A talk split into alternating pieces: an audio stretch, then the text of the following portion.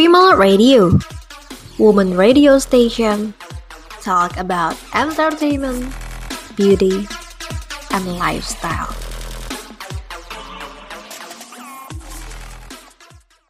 Kuy kuy, Bibita bincang-bincang wanita.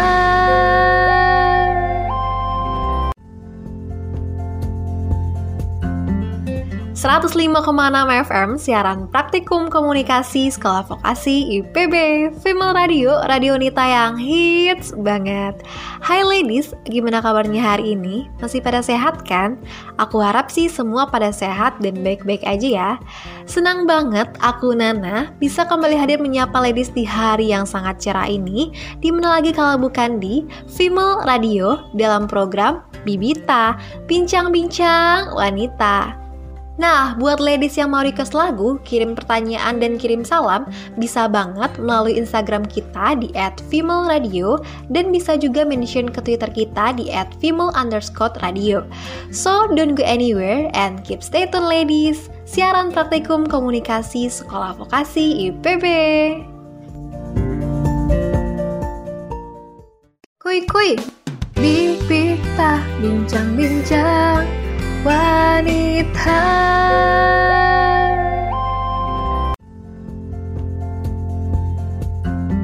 105,6 FM, siaran praktikum komunikasi Sekolah Vokasi IPB. Hai ladies, seperti biasa, aku bakal nemenin kalian di siang hari yang sangat cerah ini selama satu jam ke depan di edisi Minggu 25 Oktober 2020. Siang-siang gini udah pasti asik dan seru banget buat bincang-bincang bareng ya ladies. Dan pastinya kita bakal ngobrolin semua hal yang asik dan seru banget tentang wanita. Mungkin dari hal yang penting, hal yang unik, dan semua hal yang lagi hits di kalangan wanita tentunya dengan info yang menarik dan terupdate tentunya. Kalian jadi penasaran kan? Makanya tetap dengerin Bibita, bincang-bincang wanita. Dan untuk mengawali siang ini, aku ada lagu buat ladies yang judulnya Brave dari Sarah Bareilles. Tetap stay tune ya di Female Radio, siaran praktikum komunikasi Sekolah Vokasi IPP.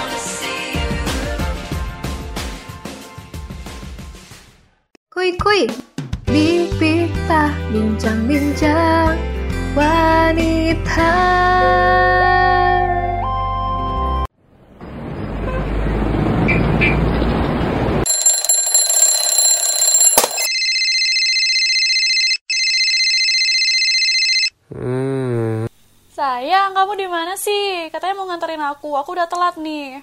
Astaga, aku lupa. Ya ya ya, ini aku OTW. Ya elah, kebiasaan. Gak mau tahu ya, pokoknya 5 menit lagi kamu harus udah nyampe di rumah aku. Iya iya. Duh, ini helm ke mana ya? Udahlah, nggak usah pakai helm.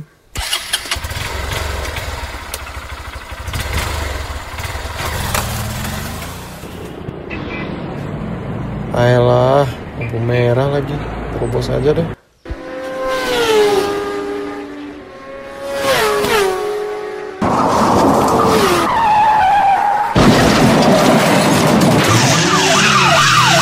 Ingat ya, nyawa kamu hanya satu, jadi sayangilah nyawamu lebih dari apa pun. Patuhi peraturan lalu lintas. Iklan layanan masyarakat ini dipersembahkan oleh Girls Power Radio. Kuy kuy Bibita Bincang-bincang Wanita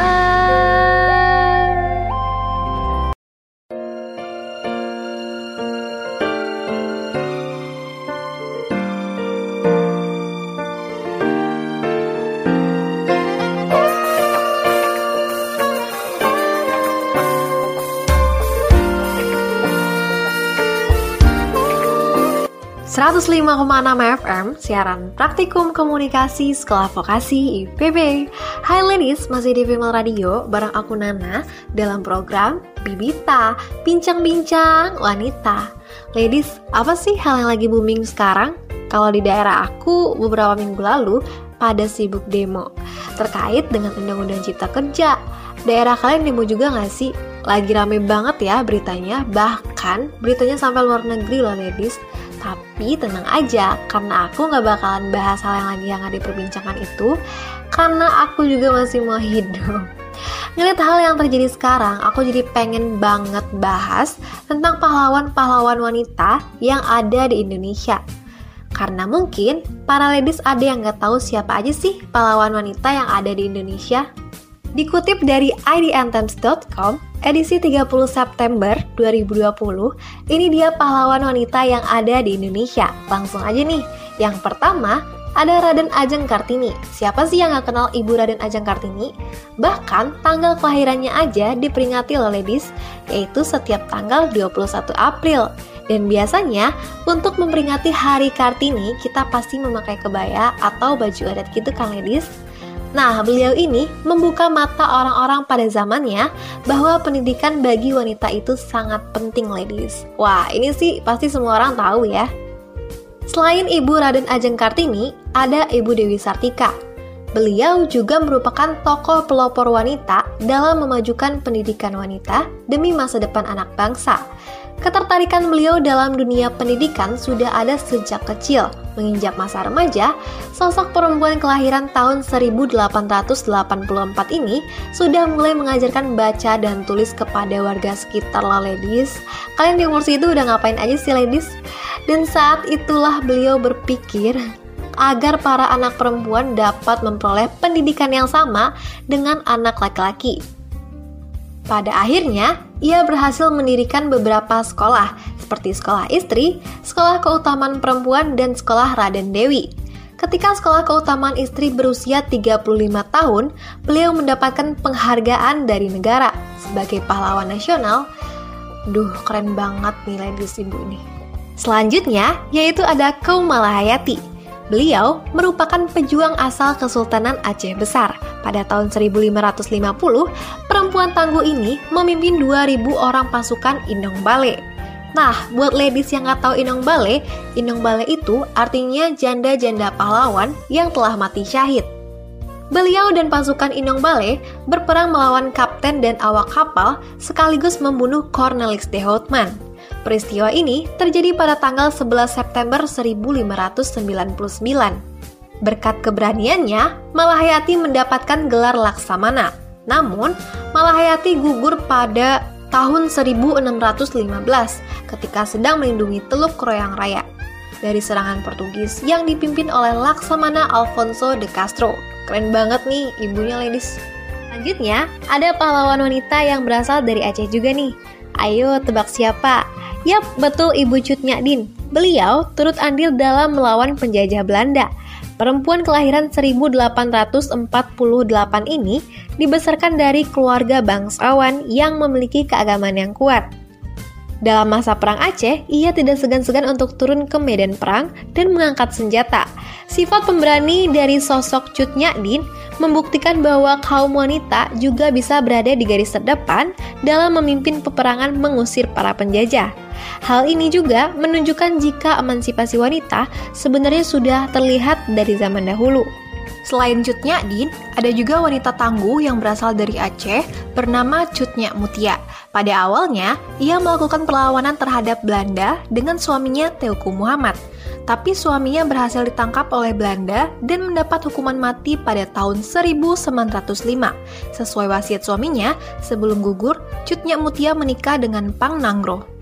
Mereka bertempur dengan Korps Marecheus dan membuat Pang Nangro gugur pada 26 September tahun 1910. Namun Cutnya Mutia berhasil lolos. Setelah lolos, ia terus melakukan perlawanan dengan sisa-sisa pasukannya. Namun takdir berkata lain, Cutnya Mutia gugur pada tanggal 24 Oktober 1910. Perjuangannya hebat banget ya ladies. Nah, selanjutnya ada Ibu Hajah Rangkayo Rasuna Said. Wanita asal Sumatera Barat ini adalah sosok yang memajukan pendidikan bagi kaum wanita dan memperjuangkan persamaan hak wanita dan pria pada zaman Hindia Belanda.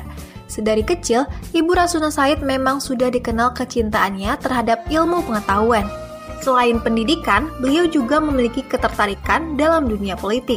Perjuangan politik beliau dimulai saat aktif dalam mengikuti berbagai organisasi politik seperti Serikat Rakyat, Persatuan Muslim Indonesia, dan Nippon Raya di Padang.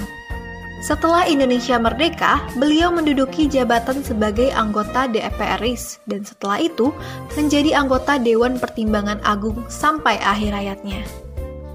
Pahlawan wanita selanjutnya yaitu Marta Christina Tiahahu. Beliau berasal dari desa Abubu, Pulau Nusa Laut Maluku, yang lahir pada tanggal 4 Januari 1800.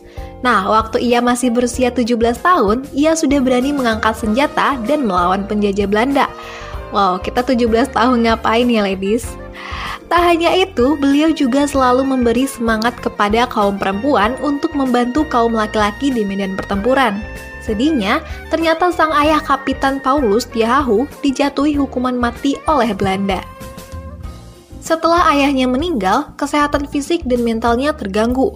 Lalu, ia tertangkap bersama 39 orang lainnya dan dibawa ke Pulau Jawa dengan kapal Everstand untuk dipekerjakan secara paksa di perkebunan kopi. Selama di kapal, kondisi Marta Christina Tiahau semakin memburuk. Hal ini semakin parah karena ia tidak mau makan dan diobati. Hingga akhirnya, ia menghabiskan nafas terakhirnya pada tanggal 2 Januari 1818 dan disemayamkan dengan penghormatan militer ke Laut Banda. Emang bener ya ladies, orang tua bisa mempengaruhi kehidupan kita? Dan selanjutnya yaitu Nyi Ageng Serang. Perempuan bernama asli Raden Ajeng Kustiah, Ulaningsih Retno Edi, merupakan salah satu keturunan Sunan Kalijaga. Perempuan kelahiran tahun 1752 ini adalah anak dari Pangeran Natapraja dan ia melawan penjajah bersama ayah dan kakaknya, yaitu Kiai Ageng Serang. Semangat yang berkobar untuk membela rakyat dipicu oleh kematian kakaknya karena membela Pangeran Mangkubumi melawan Pakubuwono I yang dibantu oleh Belanda. Ia tak pantang menyerah walaupun ayah, kakaknya, dan juga suaminya gugur di medan perang. Ia bahkan tetap memimpin pasukan pada usia 73 tahun. Bahkan, Pangeran Diponegoro mengakui kehebatan Nyi Ageng Serang dalam menyusun strategi sehingga dipercaya menjadi salah satu penasehatnya. Namun, dua tahun sebelum Perang Diponegoro berakhir, Nyi Ageng Serang meninggal dunia di usia 76 tahun akibat wabah penyakit malaria. Pahlawan wanita selanjutnya berasal dari Tinambung, Polaweli Mandar, Sulawesi Barat. Beliau bernama Andi Depu Maradia Balanipa. Ia dikenal karena berhasil mempertahankan wilayahnya dari penaklukan Belanda. Bahkan, ia berani mengibarkan bendera merah putih saat pasukan Jepang datang di Mandar pada tahun 1942. Atas keberaniannya ini, beliau dianugerahkan bintang Mahaputa tingkat 4 dari Presiden Soekarno. Selain itu, Presiden Joko Widodo juga menganugerahkan gelar pahlawan nasional kepada Andi Depu dan lima tokoh bangsa lainnya pada tahun 2018. Nah, pahlawan wanita selanjutnya ini mungkin terdengar asing. Beliau bernama Maria Walanda Maramis. Beliau memiliki julukan sebagai Kartini dari Minahasa. Beliau menjadi salah satu tokoh perempuan Indonesia yang memperjuangkan hak perempuan, yang turut bersuara dan berpendapat saat di lembaga pemerintahan. Pada Juli 1917, Ibu Maria berhasil mendirikan organisasi percintaan ibu kepada anak turunannya atau pikat yang bertujuan untuk memberikan pendidikan pada kaum perempuan tentang rumah tangga seperti memasak, menjahit, merawat bayi, dan lain sebagainya. Kemudian, semangat dan kerja keras beliau juga membuahkan hasil, hingga akhirnya bisa mendirikan sekolah kejuruan putri.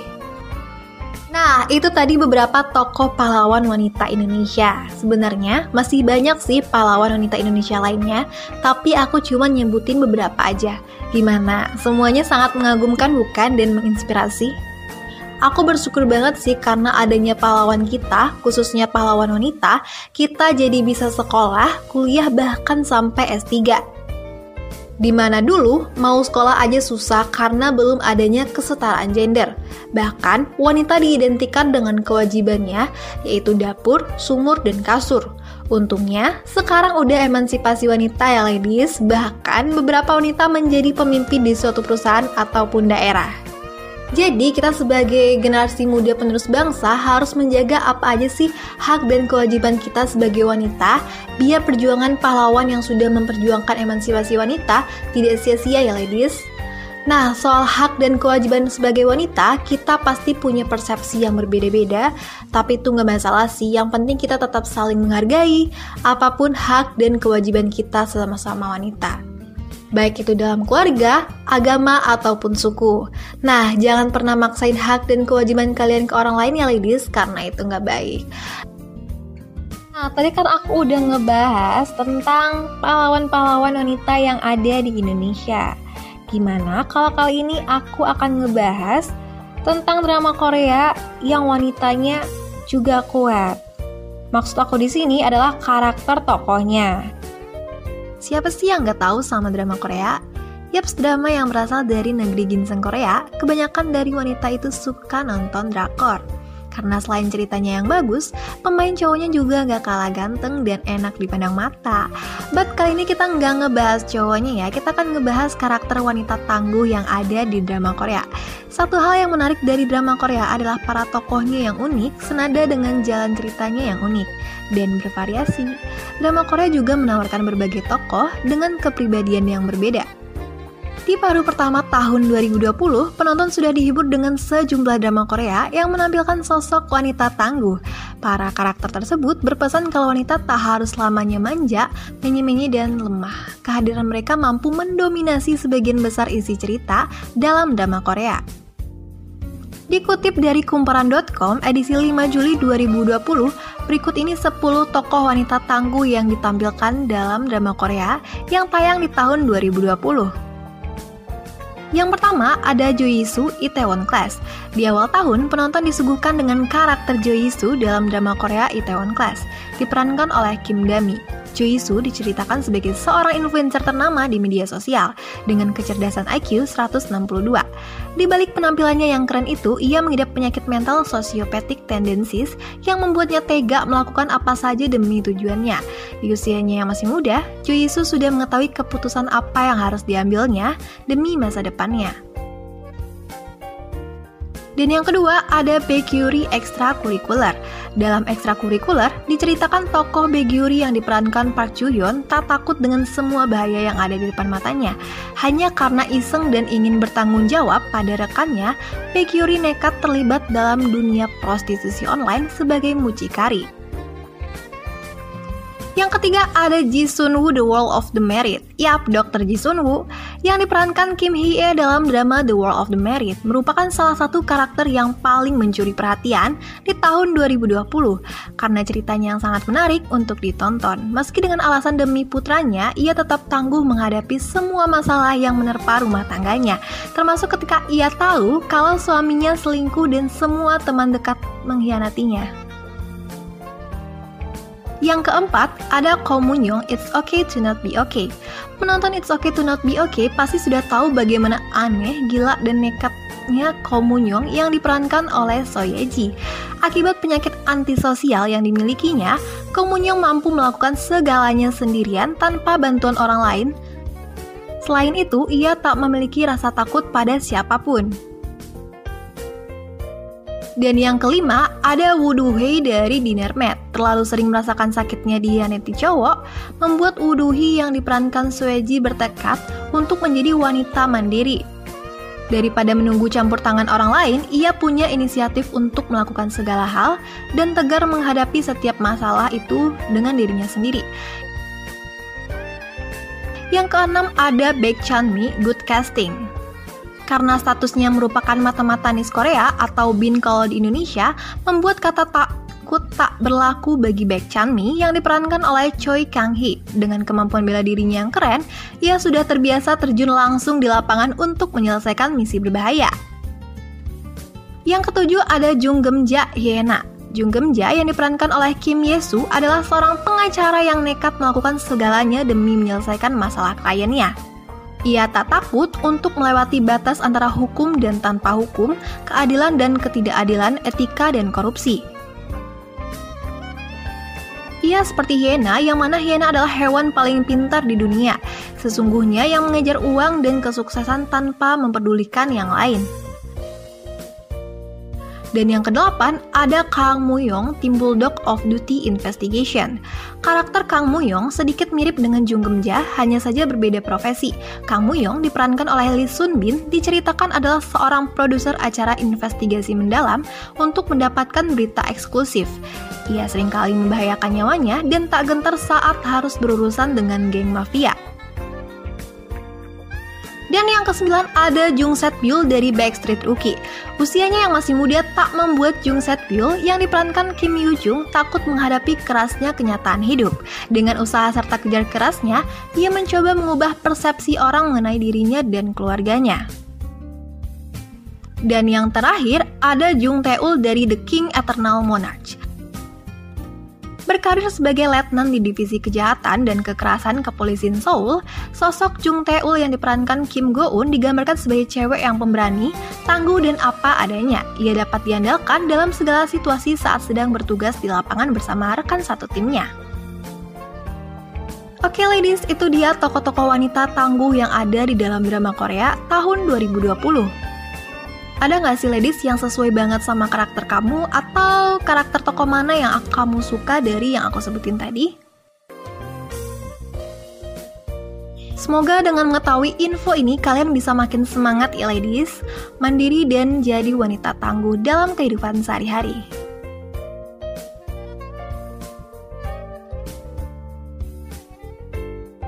Oke, sebelum masuk ke informasi selanjutnya, aku bakal bacain pesan yang udah masuk dari ladies-ladies yang ada.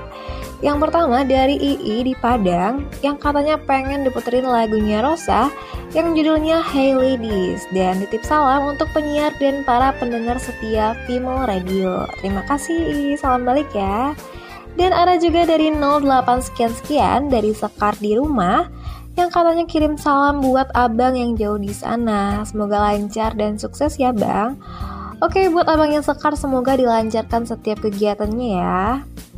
Ada lagi dari 082 satu sekian sekian dari Sylvie di Padang katanya kirim salam untuk teman-temannya yang udah baik banget selama ini dan udah support dia dan juga buat doinya semoga makin sayang sama Sylvie. Oke, okay, semoga yang sedang menjalani hubungan makin langgeng ya sama pasangannya. Ada lagi dari Mayang di Bukit Tinggi, katanya kirim salam buat temen-temen yang udah kasih surprise saat ulang tahunnya kemarin. Oh iya, happy birthday dong Mayang. Semoga panjang umur saat selalu. Dilancarkan setiap aktivitasnya. Dan ada lagi dari 0896 sekian-sekian dari Gresita di kamar tercinta yang katanya kirim salam buat sahabat-sahabat yang sayang banget sama dia. Semoga persahabatan kita tetap langgeng ya guys dan erat banget. Amin. Buat sahabatnya Kresita, kita doain persahabatan kalian lancar jaya dan selalu bersama saat susah maupun senang. Dan ada lagi SMS yang masuk dari 0813 dari Zafira di kasur.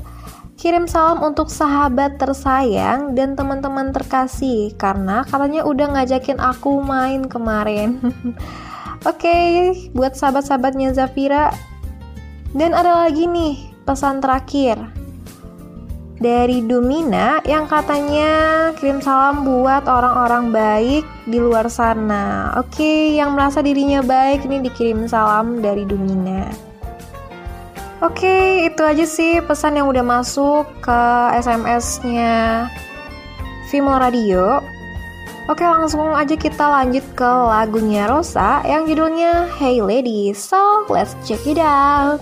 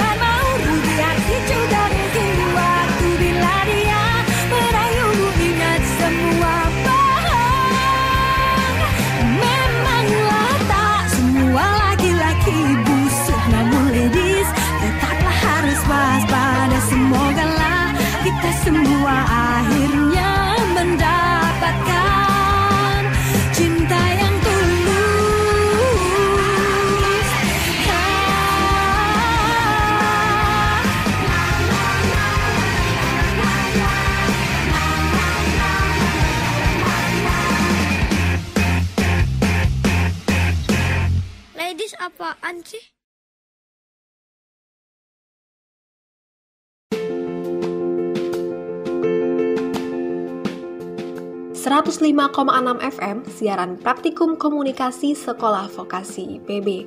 Terima kasih untuk ladies yang masih setia dengerin Bibita di Female Radio. Isu pelecehan seksual sudah sangat sering kita dengar, dan mungkin saja korban pelecehan tersebut adalah orang terdekat kita. Oleh sebab itu, mari kita hentikan pelecehan seksual sekecil apa pun. Jangan biarkan pelaku pelecehan seksual berkeliaran. Kita harus gerak bersama dalam memberantas hal ini. Kita tidak tahu siapa selanjutnya yang akan menjadi korban.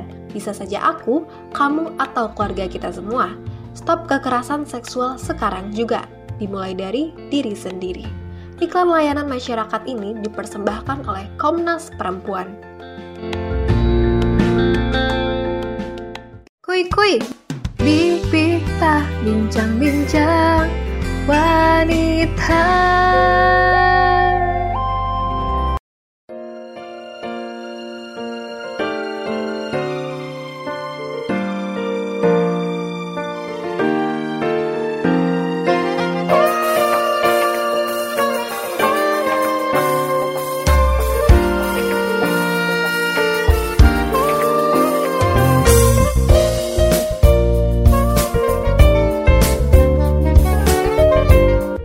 ...105,6 FM, siaran praktikum komunikasi sekolah vokasi IPB, Female Radio, radio wanita yang hits banget.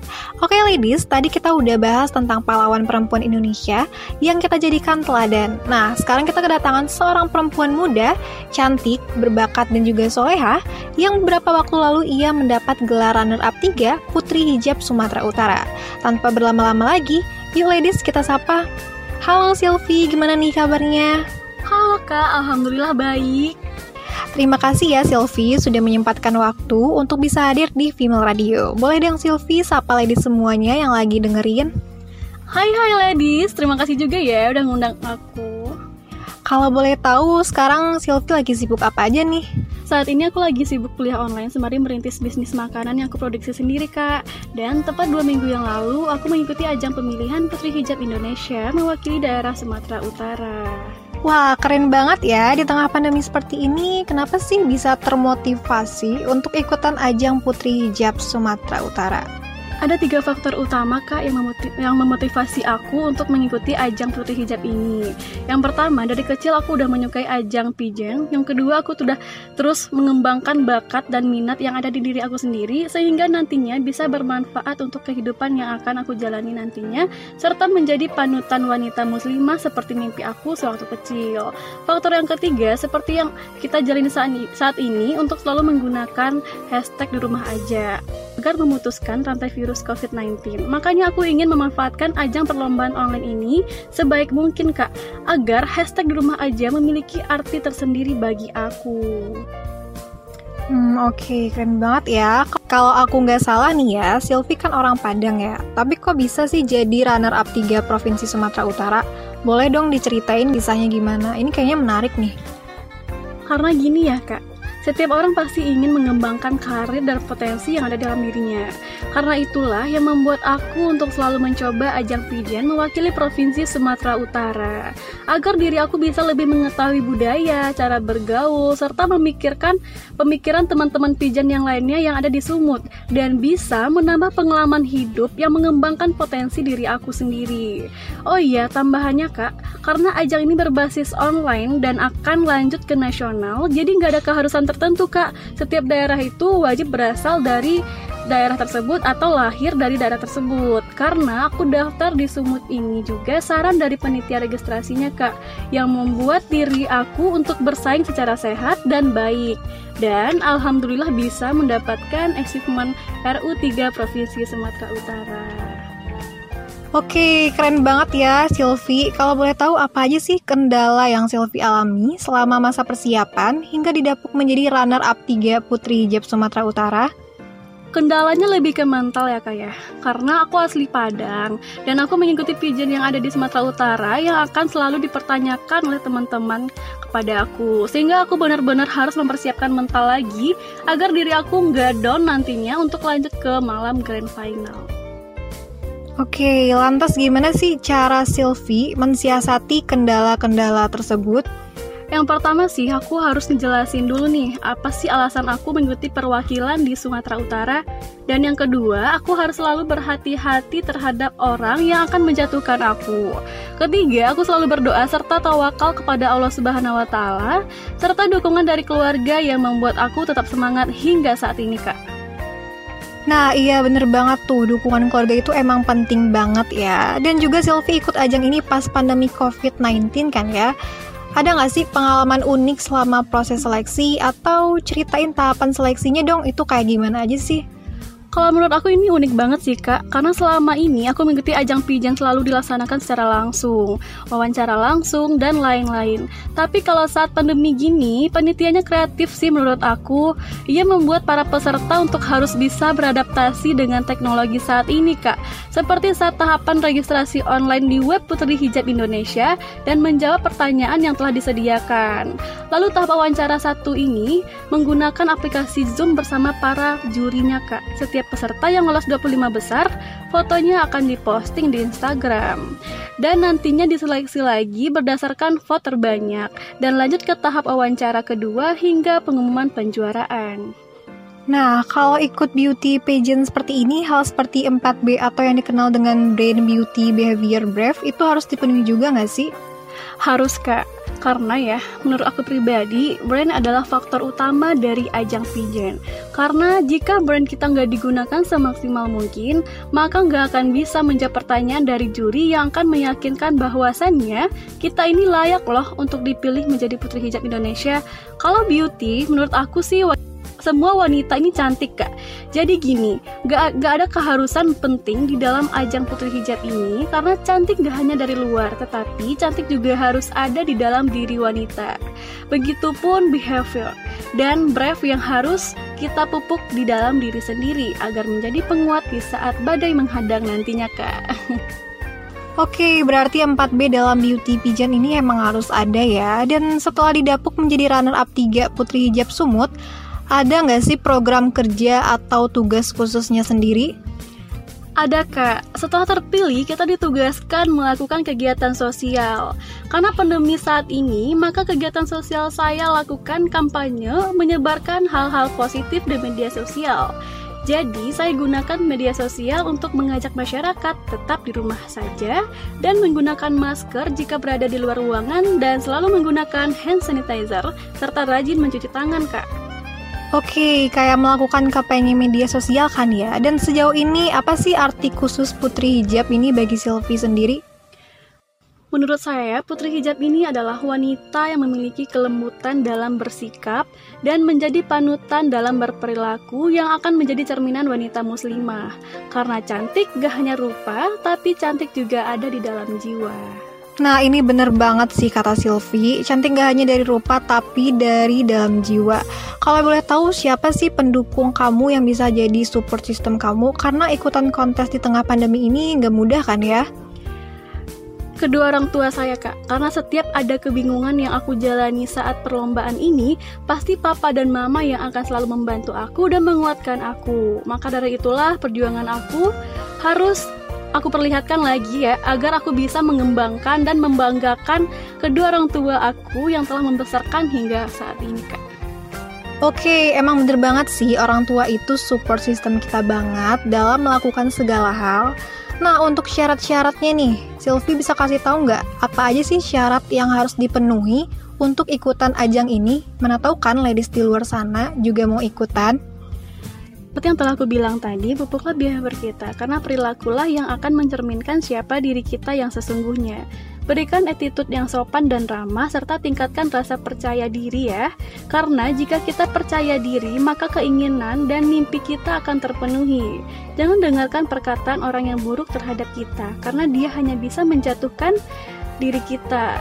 Ia hanya bisa menjatuhkan diri kita dan tetaplah jadi berpegang teguh dengan pendirian kita sendiri ya, Kak. Bener nih Sylvie, tentunya percaya diri itu penting banget ya untuk ajang seperti ini. Mungkin ladies yang mau ikutan tapi nggak pede atau untuk semua jenis lomba deh. Apa sih pesan Sylvie bagi mereka semua yang di luar sana? Wanita yang cantik itu ialah wanita yang bisa menyuarakan pendapat serta memiliki pandangan yang baik dan selalu memanfaatkan kesempatan.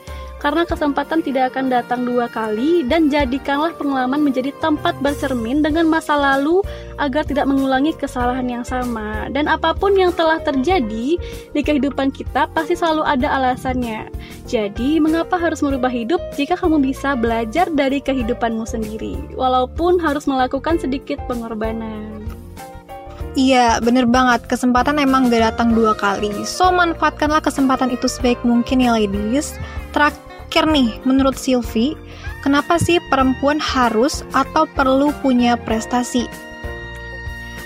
Karena prestasi yang kita miliki akan menyatu dalam diri yang akan membuatmu menjadi sosok yang lebih percaya diri.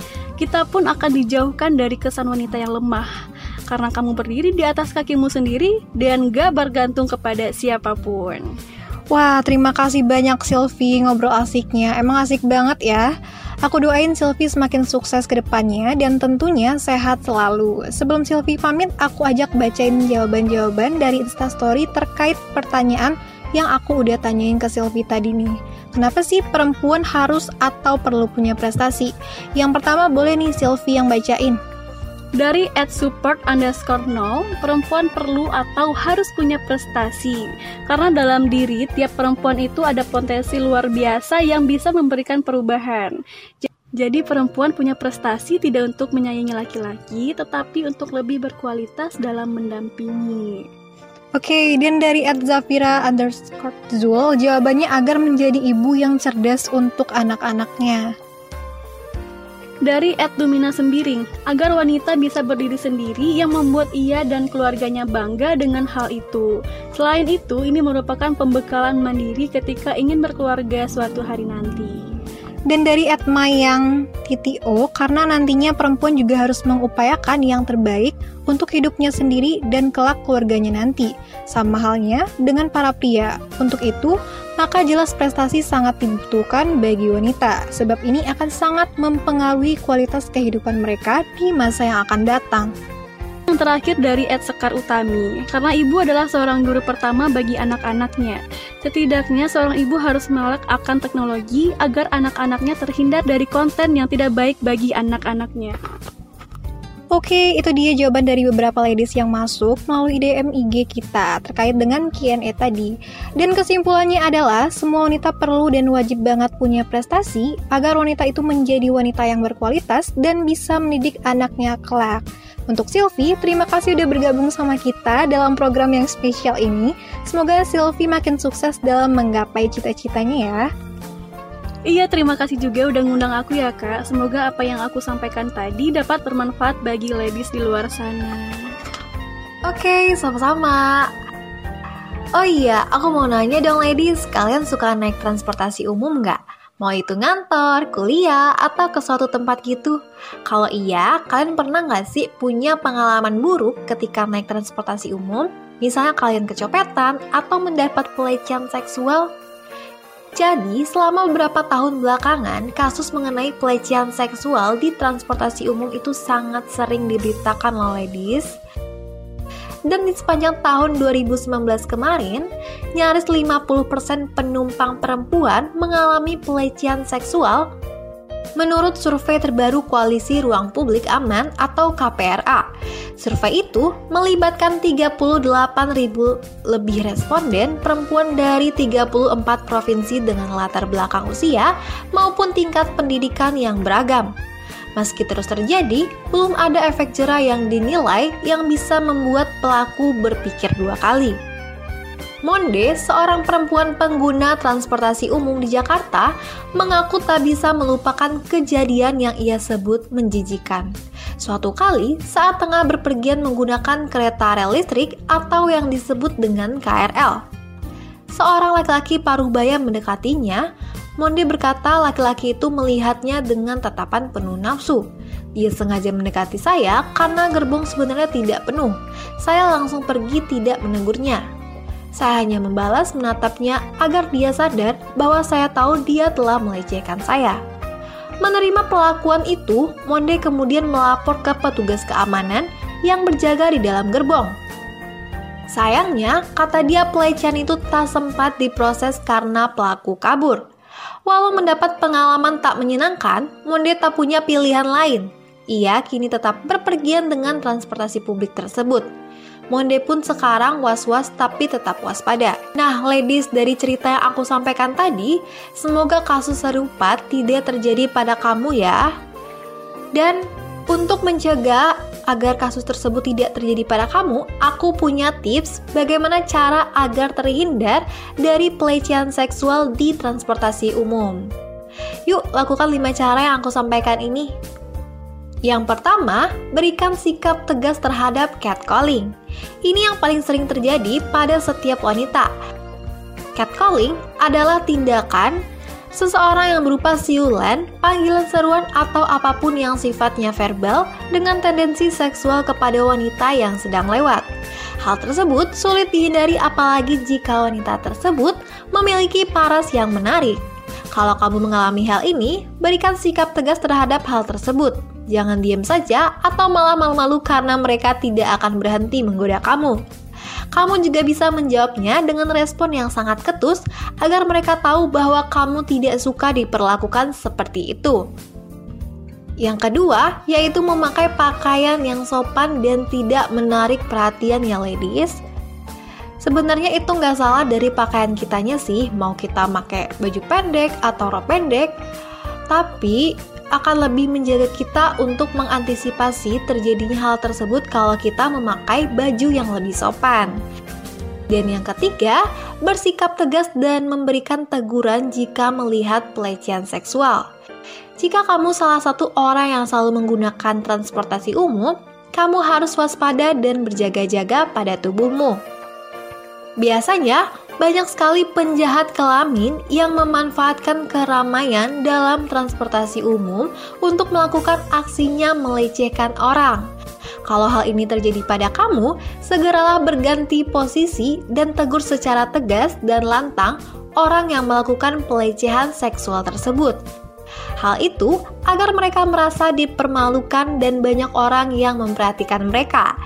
Jika ada orang yang sedang dilecehkan dan kamu melihatnya, kamu bisa melakukan cara yang sama, yaitu tegur dengan lantang. Dengan begitu, dia tidak akan berani melakukan hal tersebut. Dan yang keempat, buat dirimu berpengetahuan ilmu bela diri. Kemampuan ilmu bela diri sederhana itu perlu loh ladies sebagai wanita, kamu harus membela diri apabila pelecehan seksual yang kamu terima sudah mengarah ke paksaan fisik, penculikan, atau pemerkosaan. Apabila terjadi hal seperti itu, kamu bisa menendang alat kemaluannya, memukul, dan lain sebagainya. Tidak perlu hebat dalam berkelahi, tapi setidaknya pukulanmu itu keras agar ketika melawan mereka yang sedang bernafsu, kamu juga bisa bernafsu untuk memukulnya. Dan yang kelima, laporkan pelecehan yang kamu alami. Indonesia adalah negara hukum dan banyak lembaga perlindungan HAM dan pemberdayaan wanita. Nah, untuk ladies, kalau kamu mengalami pelecehan seksual, kamu wajib melaporkan kepada pihak berwajib. Kalau kamu merasa khawatir melaporkannya, langsung kepada pihak berwajib, kamu bisa mengutarakannya pada orang terdekat seperti orang tua atau saudara kamu. Dari situ, pelecehan seksual yang kamu alami bisa segera ditindaklanjuti. Wanita itu perlu dihargai dan dipandang sederajat. Jadi, jangan diam saja karena itu malah semakin membuat para pelaku merasa aman untuk melakukan tindakan pelecehan tersebut. Oke ladies, semoga apa yang aku sampaikan ini dapat kamu terapkan ya dan semoga saja kasus pelecehan seksual tidak terjadi kepada kita maupun orang terdekat kita. Dan semisalnya terjadi, silakan laporkan kasus tersebut kepada pihak berwajib untuk melakukan tindakan yang lebih lanjut. Dan untuk mengisi hari yang sangat cerah ini, aku ada satu lagu buat ladies yaitu Mariposa cover by Arthur Miguel. So, let's check it out. I can wait for you to come my way. I've been far away, but I keep running just to find a way to you till then. I've been running from it tired of running from it. Scared of feeling something. Now I'm stuck in trying to get up out of this hole. I tried to be strong. I tried to make you work, but I've been feeling too numb. Skies are beating on me. Why'd you leave me lonely? Feeling witnessed only. Now I'm stuck here, wonder where I ever went from. How could I be strong? I'm fighting for your love. I can wait for you to come my way. I've been far away, but I keep running just to find a way to you till then. I don't see light in your love anymore, there ain't no reason to call in a fall. I don't like feelings and feelings like running for something's a feeling so out of control. I know that the feelings are gone. I'm spending too much time alone. Hoping you pick up the phone and ring me when you wanna stay overnight. My shoulders right, my baby's all that I want, and I play them all of my favorite songs. That lady is my favorite one. I can wait for you to come my way. I've been far away, but I keep running just to find a way to you till then. Ain't never gonna let you go. Got my heart NASCAR racing, shining, never fading. He just left you hanging, feeling for your love, all worth it for the waiting. Give you what you need, take you where you want. Can feel it when we're all alone. Know you want something more. My heart is like an open door. Just ring me when you want it, girl.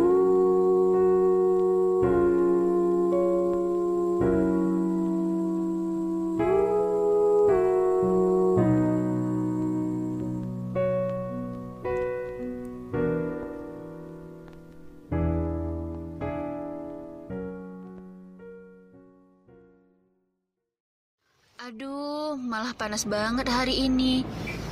Kulit aku jadi kusam, jerawatan lagi. Kenapa sis? Kok kelihatan kayak kesel gitu? Iya nih, kulit wajah aku makin hari makin kusam aja nih. Udah cobain serum ini itu, tetap aja kusam jerawatan kayak gini. Tenang aja sis, sekarang ada serum mengandung ekstrak biji bunga mentari yang ampuh menyamarkan kulit kusam dan jerawat. Seriusan sis? Iya bener sis, nih kamu coba Wardun serum ekstrak biji bunga mentari. Wah, beneran sis. Sekarang wajah aku terlihat lebih cerah, bebas jerawat semenjak pakai serum dari Wardun. Bener kan yang aku bilang, Wardun emang terbukti ampuh menghilangkan jerawat dan bebas kulit kusam. Sekarang Wardun ada kemasan sasetnya juga loh, lebih ekonomis dan mudah dibawa. Yuk buruan beli sekarang juga tersedia di Alfamida dan toko online lainnya. Kuy kuy, Bibita bincang-bincang wanita.